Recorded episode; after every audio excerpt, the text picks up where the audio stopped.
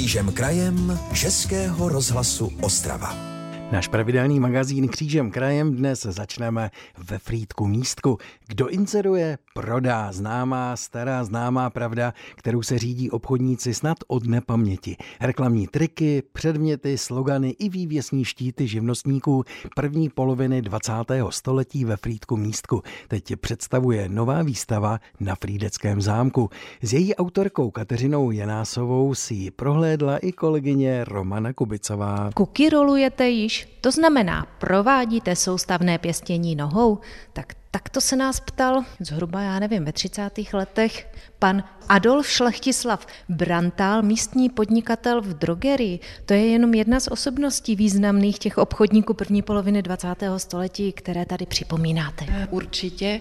Právě nápad udělat takovouto výstavu přišla s tím kolegyně Martina Kubásková, která při té dokumentační práci, při skenování písemných materiálů různých tiskovin, brožů, brožůr, publikací objevila rozmanitou reklamu, při které se i sama pousmála.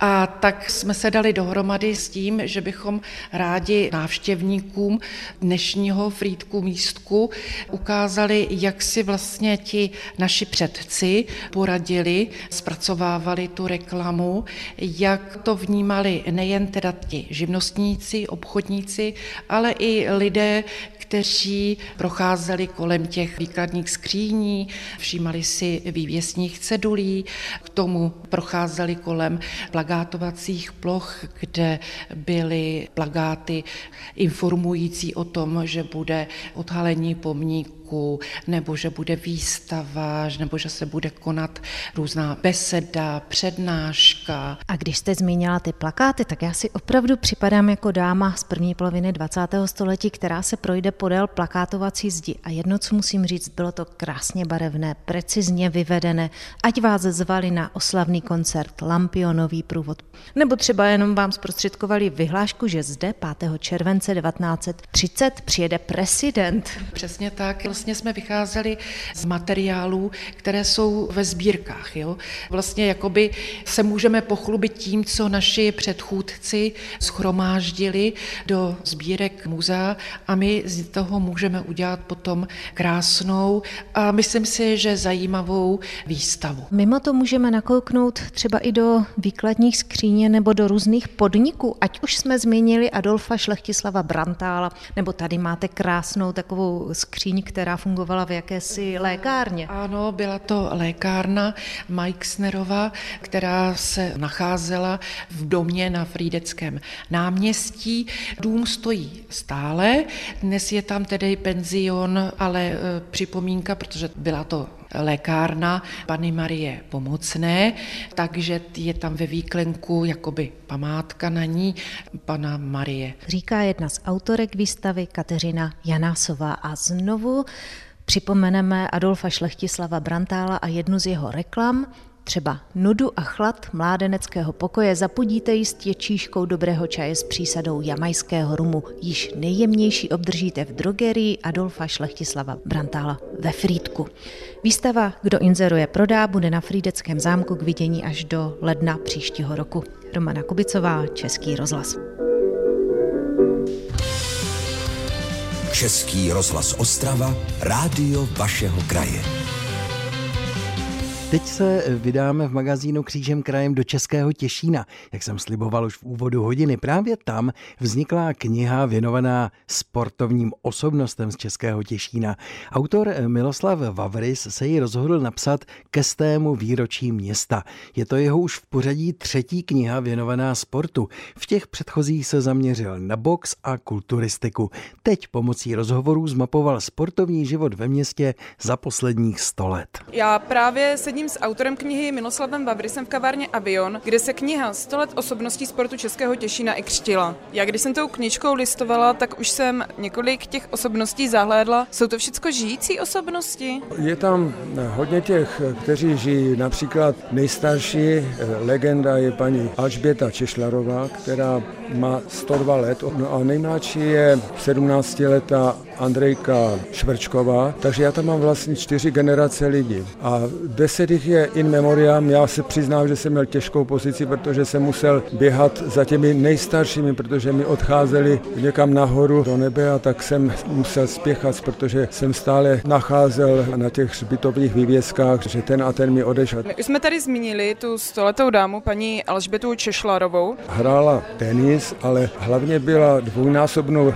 mistriní Československa v golf. Je to velice bystrá paní, je to jazykářka. Učila angličtinu, myslím, že němčinu a češtinu. Potom měla nějaké problémy, že byla dokonce i vyhozena ze školy kvůli té politické situaci tehda. No ale jinak, jak vidíte na obrázku, velice šarmantní dáma při smyslech. To muselo být neuvěřitelně pracné, protože když si uvědomíme, že těch osobností je tam tolik. Intenzivně jsem pracoval na té třetí knize rok. Zadělal jsem to prakticky sám, je to bez kolektivu autorů, akorát samozřejmě češtinu mi pomáhal, že Václav Labaj a design, zase můj syn a tak dále. Měl jsem spolupracovníky, ale celou tu koncepci jsem dělal sám. Dá se vlastně říct, že tato kniha je takový dárek k tomu výročí tady tomuhle z tomu městu. Ano je a já myslím, že město je opravdu šťastné, že něco takového se povedlo, protože já jsem říkal, že by bylo dobré, aby bylo v oblasti kultury, po případě vzdělávání. Škoda, že se lidé nesešli a neudělali něco podobného taky v těchto oblastech pro Český Těšin. Je to úžasná věc, jsem za to velice šťastný, že zrovna já jsem to mohl napsat. Miloslav Vavry se rozhodl svou knihu nenabízet přes knihkupectví. Kdo by ji chtěl, má zkrátka na něj zazvonit nebo mu zavolat. K nahlédnutí je ale i v kavárně Avion. Z Českého Těšína Klára Křižáková, Český rozhlas. Český rozhlas Ostrava, rádio vašeho kraje. A my už tady máme připraveny další informace. Prodejní výstava Včela 2020 na Ostravském výstavišti se mělo uskutečnit tento pátek a sobotu, tedy dnes a zítra. Koronavirová opatření ale podobné akce zrušila. Výstava Včela se tak přesunula do nového termínu v příštím roce. Telefonicky jsme se spojili s hlavním organizátorem včelařské výstavy a zároveň předsedou včelařského spolku Moravy a Slezska, panem Václavem Sciskalou. Dobrý den. Dobrý den vám přeji. Co pro vás znamená zrušení výstavy Včela 2020 na Ostravské Černé Lůdce vlastně úplně krátce před jejím zahájením? No víte, je to pro nás smutná zpráva, protože my už jsme tento termín měli posunutý z podzimu, nebo respektive z jara, kdy nám zrušili výstavu dva dny před otevřením, tentokrát je čtyři dny před otevřením. Jsme zklamaní, ale bohužel musíme to respektovat. Zrušena byla spousta dalších podobných akcí.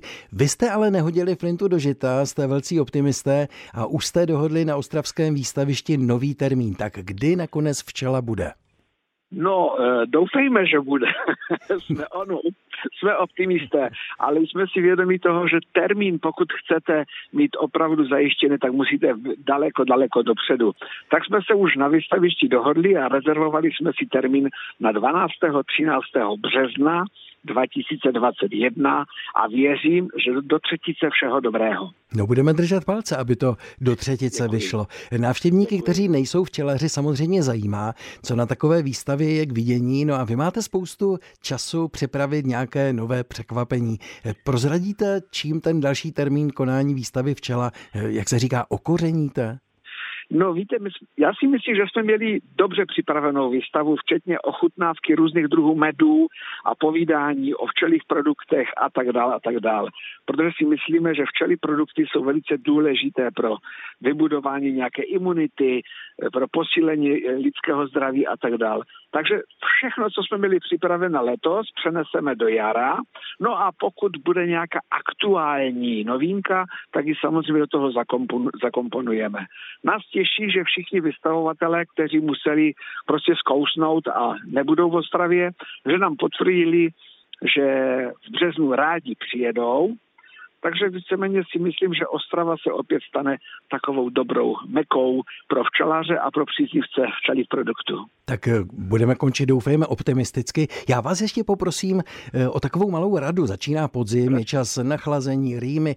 Poraďte, jak se v takových případech léčíte vy jako zkušený včelař a, jak už bylo řečeno, předseda včelařského spolku Moravia Slezská. Eh, já jako včelař, ale víceméně já taky radím lidem, aby opravdu med, včelí med, ale opravdu včelí med, zařadili do svého jídelníčku. Taková dávka, jedna polevkové lžice medu denně, by měla opravdu člověku pomoci, eh, ale prosím vás pěkně, není to o tom, že když zakašlu, dám si čaj s medem a ono mi to nepomůže. Tady je problém, abychom vydrželi dlouho. To znamená trvale, trvale do svého jídelníčku zařadili třeba tu lžičku medu. A opravdu, opravdu to člověk pocítí, ale tak za 30 dnů. Říká předseda včelařského spolku Moravy a Slezská, pan Václav Sciskala. A já mám takovou trošku eh, radost, mně se to ještě nikdy nestalo, aby si Piskala povídal se Sciskalou. Děkuji vám moc a mějte, mějte krásný den. Naschledanou. Naschledanou. Český rozhlas Ostrava. Rádio vašeho kraje.